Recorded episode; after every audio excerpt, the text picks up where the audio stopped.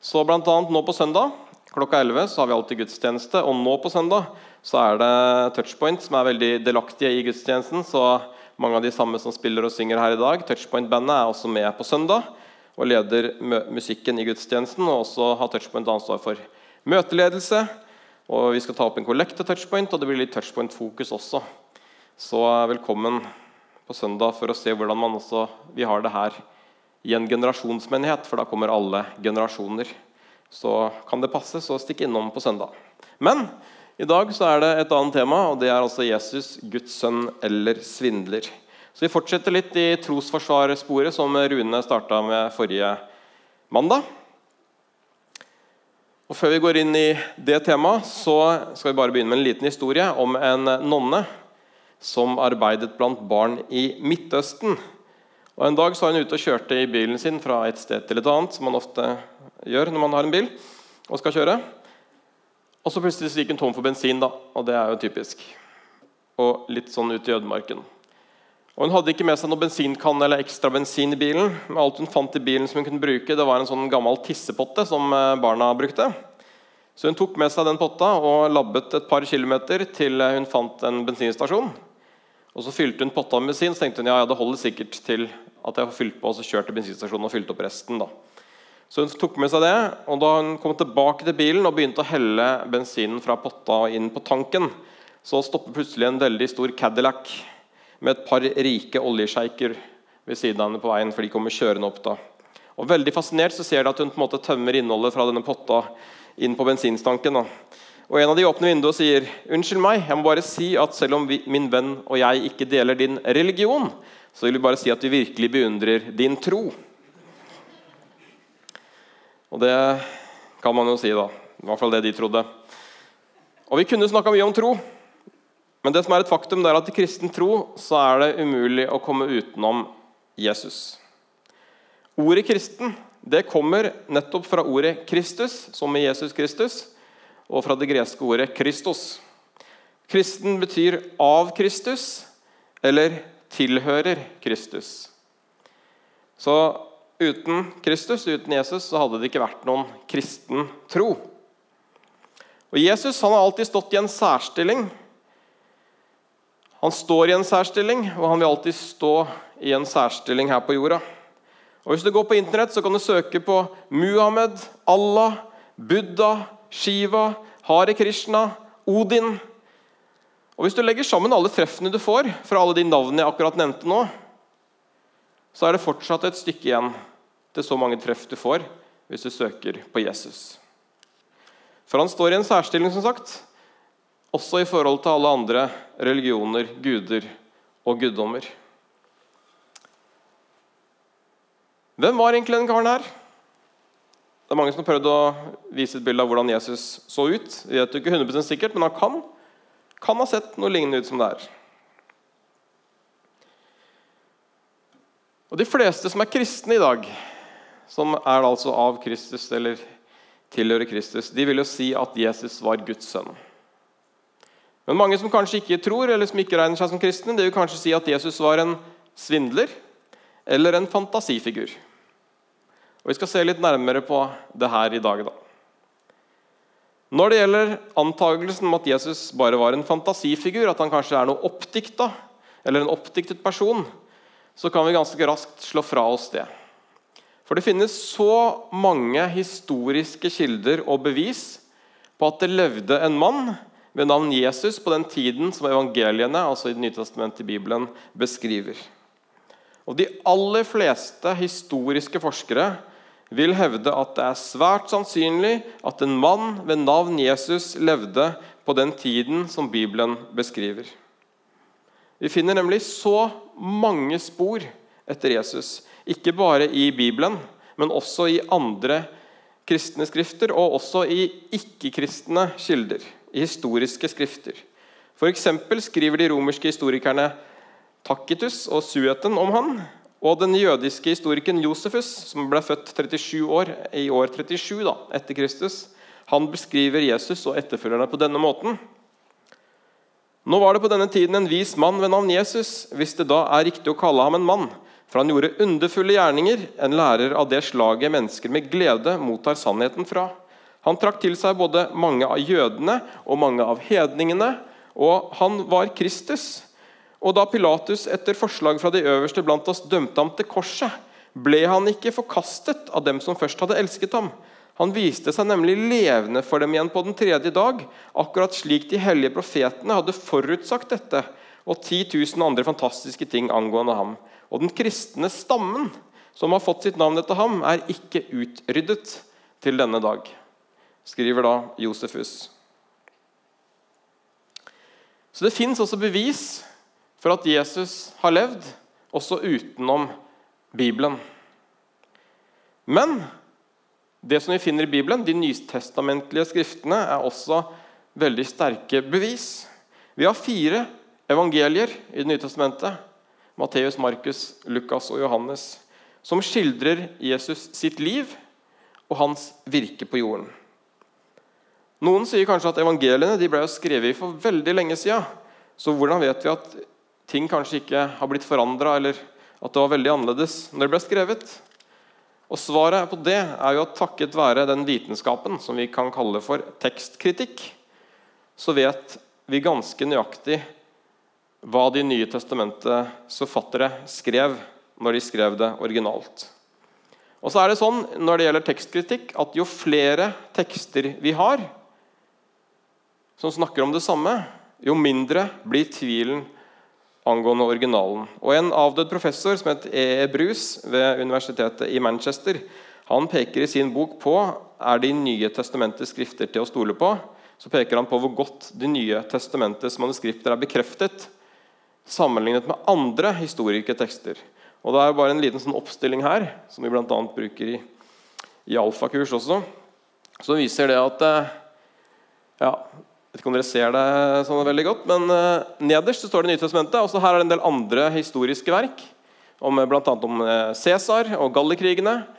Og så står det om når det skjedde. da, det som hendelsen beskriver. og Veldig mye av det her skjedde jo før Jesus sin tid. Ganske mye lenge før òg. Og når vi har de tidligste håndskriftene, på en måte håndfaste bevis som beskriver den hendelsen som skjedde her, og som vi ser, så ser vi det at ofte så gikk det kanskje 900 eller 1000 år fra det skjedde, til det ble skrevet ned. Mens med Nytestamentet så gikk det ca. 130 år. Og vi hadde det første fullstendige manus av hele Det nye testamentet i år 350 etter Kristus. Altså ca. 300 år etter de første, første håndskriftene. på en måte. Og Tidsforskjellen ser vi her. da. Fra det skjedde til det ble skrevet ned, så er det liksom snakk om 1000 år, og 900 år og 300 år på Det nye testamentet. Og så er det antall håndskrifter, som også er veldig interessant. Vi snakker kanskje om 10-20 av alle disse her. Mens Det nye testamentet har da altså ganske overveldende mange kilder.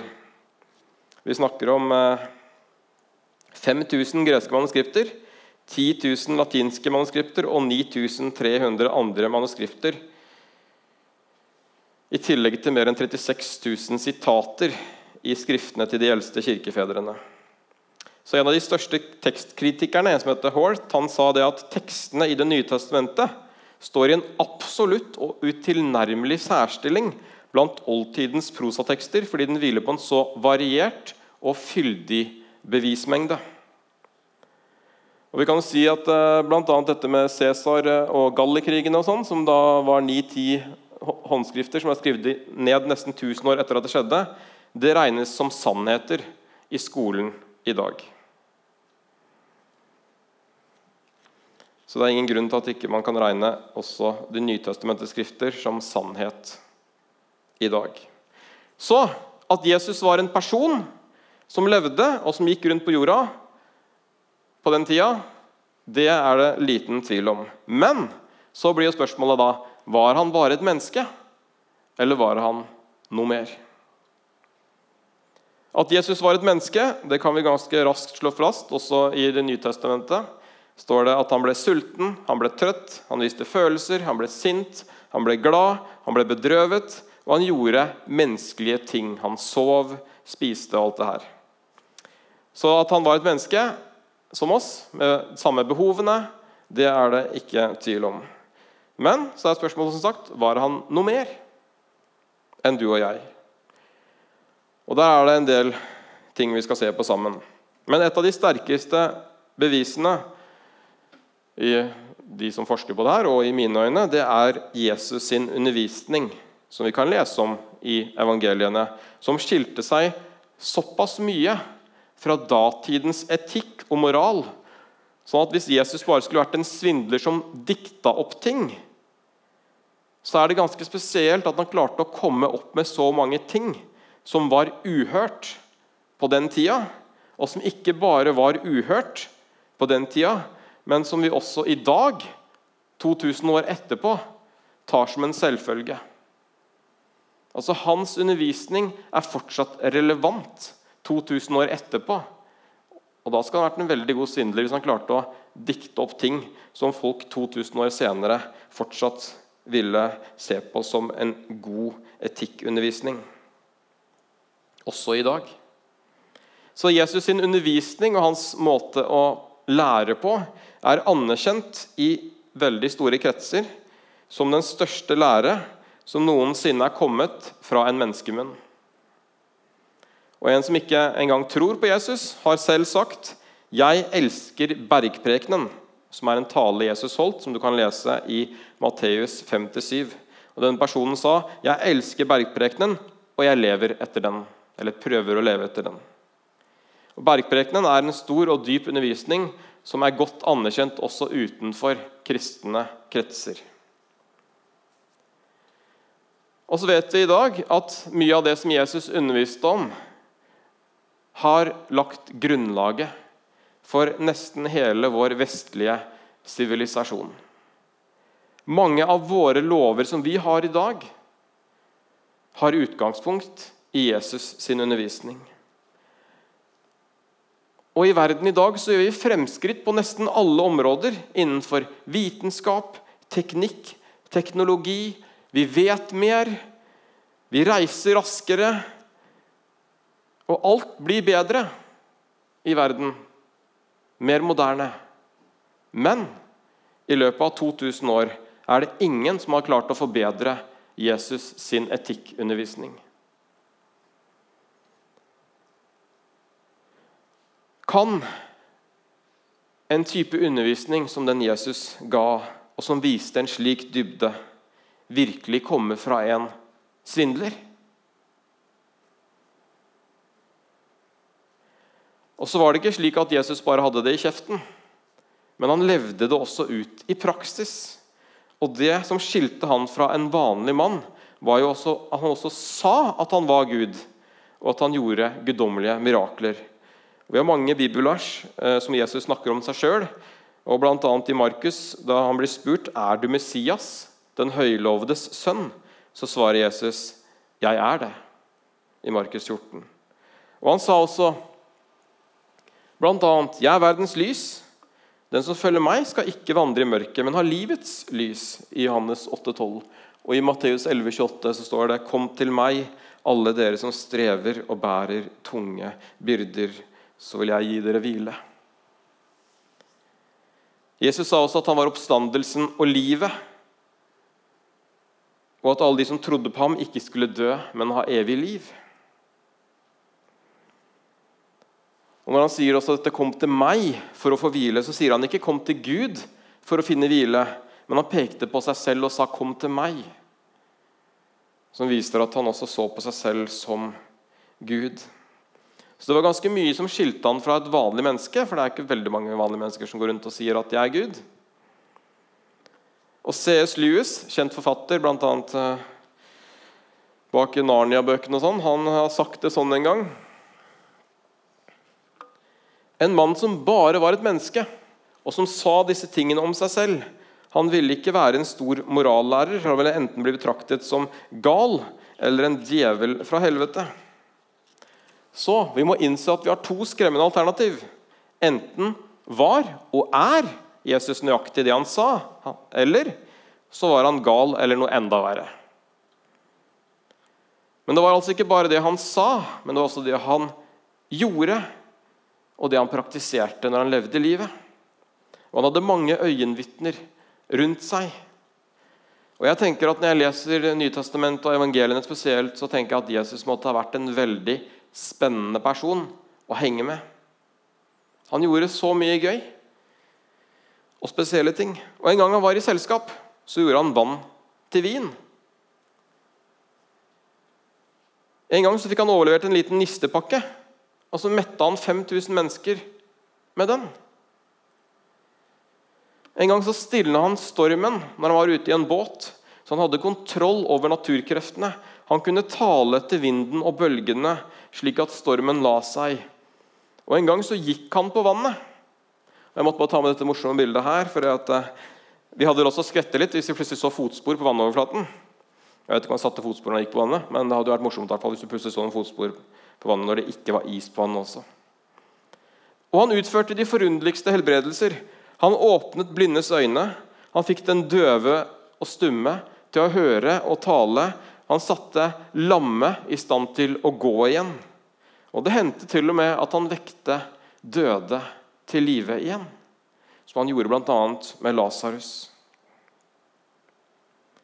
Så han gjorde mye spesielt.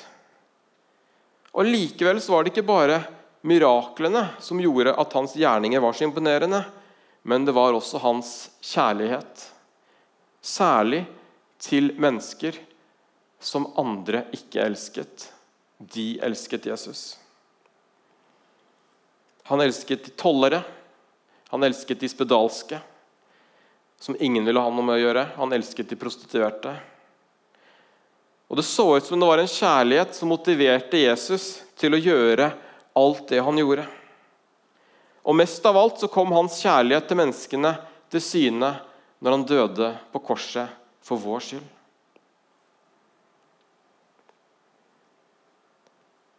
Når han hang på korset, og han hadde blitt torturert og piska og slått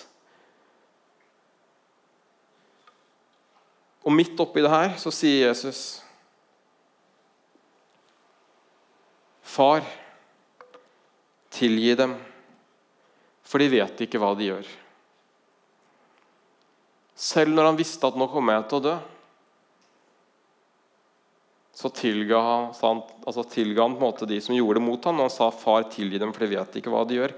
Og Det er spesielt ting å si fra en mann som kanskje var gal eller ond.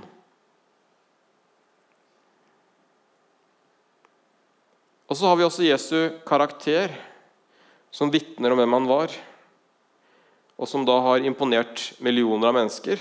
Og ikke bare de som tror på ham, men også andre har blitt imponert over Jesu karakter. Han var en mann som personifiserte uselviskhet av første rang, men aldri selvmedlidenhet. Han viste ydmykhet, men ikke svakhet. Han viste glede, men ikke på andres bekostning. Han viste godhet, men ikke ettergivenhet. Og Han var en mann som fienden ikke kunne finne feil ved. Og vennene som kjente ham godt, sa at han var uten synd. Og en mann som klarte å leve sånn, kan han ha vært ond eller ute av balanse eller psykisk syk? Det virker ikke spesielt sannsynlig. I sommer så leste jeg i magasinet Korsets seier, veldig bra blad. Eh, og De hadde en artikkel om YouTube-ateisten som ble kristen. En kar som heter eh, Dave Cullum.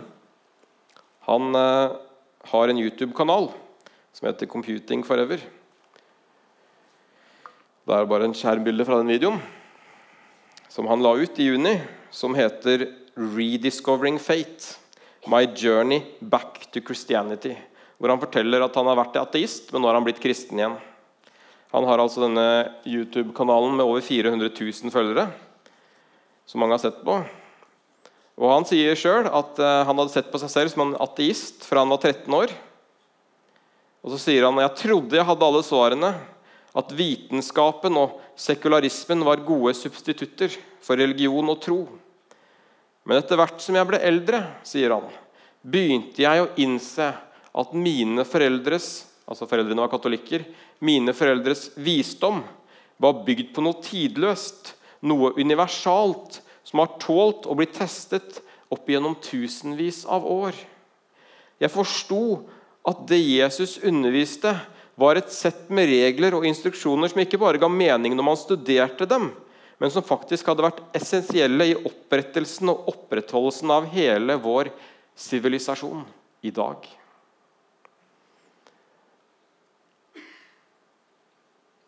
Så han eh, brukte mer og mer tid på disse tingene, og så står det at en dag eller sier han det selv da, en dag knelte han ved senga si og ba Fader vår for første gang på mange år. Og så sa han mens jeg ba, forsto jeg plutselig for første gang hvorfor denne bønnen var skrevet på denne måten. De få ordene fra Fader vår ga meg innblikk i en sannhet som hadde vært skjult for meg gjennom hele livet.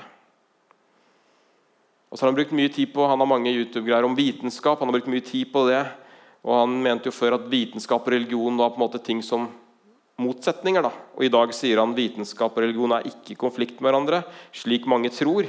De konkurrerer ikke mot hverandre. De forklarer bare ting på ulike måter og kan ofte gå sammen. Og jeg tenker at Det som skjedde med Dave Cullen, som da er ganske ferskt, for denne videoen han ut i juni, det er også et av de siste måte, bevisene hvis vi kan kalle det det, på at Jesus var noe mer enn et menneske og en svindler. Nemlig det at opp igjennom historien i løpet av disse 2000 årene etter at Jesus døde på korset, så er det stadig mennesker som kommer til tro på Han som opplever Jesus i sine liv, som opplever hans kjærlighet. Mennesker har møtt Jesus opp gjennom hele historien. Og I løpet av 2000 år så har ikke mennesker slutta å følge Jesus. Det er faktisk aldri flere enn i dag som har kalt seg kristne, og som forkynner Jesus som Herre. Og jeg tenker jo at Hvis Jesus var en bløff, så ville jeg trodd at kristendommen hadde dødd ut for lenge siden. Også For meg så er det et veldig tydelig bevis når vi ser på de første disiplene. F.eks. de tolv apostlene som gikk rundt med Jesus. Hvis Jesus var en bløff, og disiplene visste det, så er det ganske spesielt at de da allikevel var villige til å ofre livet sitt for Jesus. Elleve av tolv disipler led martyrdøden fordi de var kristne. altså De ble drept pga. sin tro. Men de trodde allikevel så sterkt at Jesus var Guds sønn, at de var villige til å ofre livet sitt for det de trodde på. Og mennesker har vært villige til å ofre livet mange ganger for Jesus gjennom historien. Også mennesker som ikke gikk sammen med Jesus når han levde på jorda, men som har fått lov til å leve liv sammen med Jesus og sett at wow, det er sant. Det er noe ekte. Jesus lever. Og jeg tenker at Det å høre vitnesbyrdene om mennesker som har gitt livet sitt for Jesus gjennom historien, bør utfordre oss som lever i dag, til om ikke annet i hvert fall gi Jesus en sjanse til å vise at han lever, og at han har lyst til å bety noe for oss i dag. Og Til slutt så sitter vi da altså med det springende punktet. Sto han opp igjen fra korset? Overvant han døden? Eller døde han bare og sto ikke opp? For hvis Jesus ikke sto opp igjen fra de døde, så er kristen tro ingenting. Men om han gjorde det, så er kristen tro alt. Mitt budskap til deg når vi står i starten av denne høsten, det er egentlig ganske enkelt. Prøv Jesus. Og Da mener jeg ikke at du bare skal dette innom her på touchpoint en gang iblant. Men ta han med inn i hverdagen. Be til han, og se at han er med. For hvis Jesus Guds sønn lever og ønsker å ha en levende relasjon til deg. Vil du da våge å gå gjennom livet uten å se hvilke liv han har for deg. Og jeg kan stå her og snakke meg blå om hvem Jesus er for meg. Jeg kan fortelle om mine vitnesbyrd, om hvor mange ganger jeg har sett Jesus være med i mitt liv. Og jeg kan fortelle om helbredelser jeg har sett og opplevd selv. Og hørt om mennesker som har blitt både forandret og forvandlet av Jesus. Og jeg kan fortelle mange historier, men jeg vet at ingenting vil bety så mye for deg som om du selv får oppleve Guds grensesprengende kjærlighet i ditt hjerte. Det vil alltid bety mer enn det jeg kan fortelle og si. Derfor håper jeg at du vil få oppleve det. Og så tenker jeg at av alle høster du antagelig skal få oppleve i løpet av et langt liv, vil du gi Jesus denne høsten og la han få lov til å få sjansen til å vise hvem han er, hva han har for deg. Og Hvis du syns at ja, det jeg har hørt om i dag, det har vært litt interessant om Jesus Jeg har lyst til å gi han en sjanse og kanskje få lov til å vite litt mer om han. Kanskje litt mer enn det jeg visste fra før. Så jeg har lyst til å anbefale av hele mitt hjerte at du blir med på alfakurset, som vi starter her i Misjonskirken onsdag 18.9. Og så går det ti kvelder annenhver onsdag og slutter i februar. Men ti kvelder totalt. Og det ligger brosjyrer ute på touchpoint-standen hvor det står mer om kurset, hva det er, og hvilke temaer som undervises om. Hvis du synes det er interessant å høre mer, så er det bl.a. temaer som hvem er Jesus? Hvorfor døde Jesus? Hvordan kan jeg tro? Helbreder Gud i dag? Hvordan leder Gud oss? Så videre. Veldig gode temaer. Jeg gikk mitt første alfakurs når jeg var 17 år. Og det fikk betydning for mitt liv med Jesus videre. Så hvis du syns at temaet forrige mandag hvis du var her, og i dag har vært interessante temaer, så vil du elske alfa. Prøv det.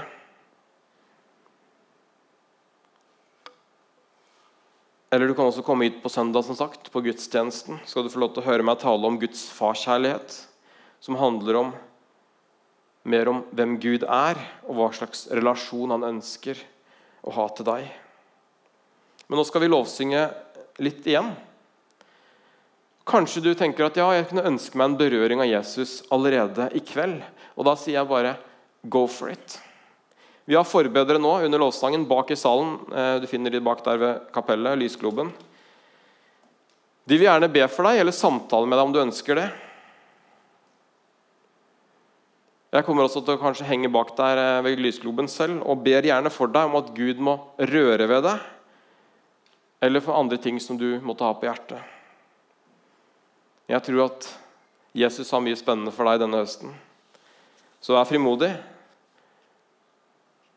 Kom til forbønn, eller bli med og lovsyng du er der. Legg høsten i Guds hender. Du kan be en bønn under lovsangen der du står, hvis du ønsker det. Men vær med og lovpris Jesus fordi han fortjener det. Må Gud velsigne deg rikt denne høsten som ligger foran. Nå skal vi be sammen.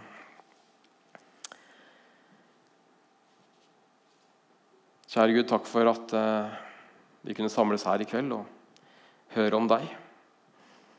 Takk for alle de fantastiske bevisene vi har på at Jesus ikke bare levde, men lever. Takk for alle de skriftene vi har som vi kan få lov til å lese om hva du gjorde, Jesus, når du gikk rundt på jorda for 2000 år siden. Takk at du ønsker å ha en levende relasjon til hver og en av oss som er her nå, far. Jeg ber at du bare skal komme og røre ved hjertene til hver enkelt, far. La oss få kjenne din grensesprengende kjærlighet i våre liv, far. Hjelp oss til å se hvilke liv du har for oss sammen med deg, far. Du har ikke lovet at alt skal gå bra, og at de bare skal eh, ha det fint hele tiden. Jeg vet at når du går med oss, så blir livet spennende på mange måter, far. Og det takker jeg deg for og be om at denne høsten skal bli en spesiell høst på mange måter for det er enkelt. Kom og rør ved oss, far. Kom med din ånd. Vi ber i Jesu navn. Amen.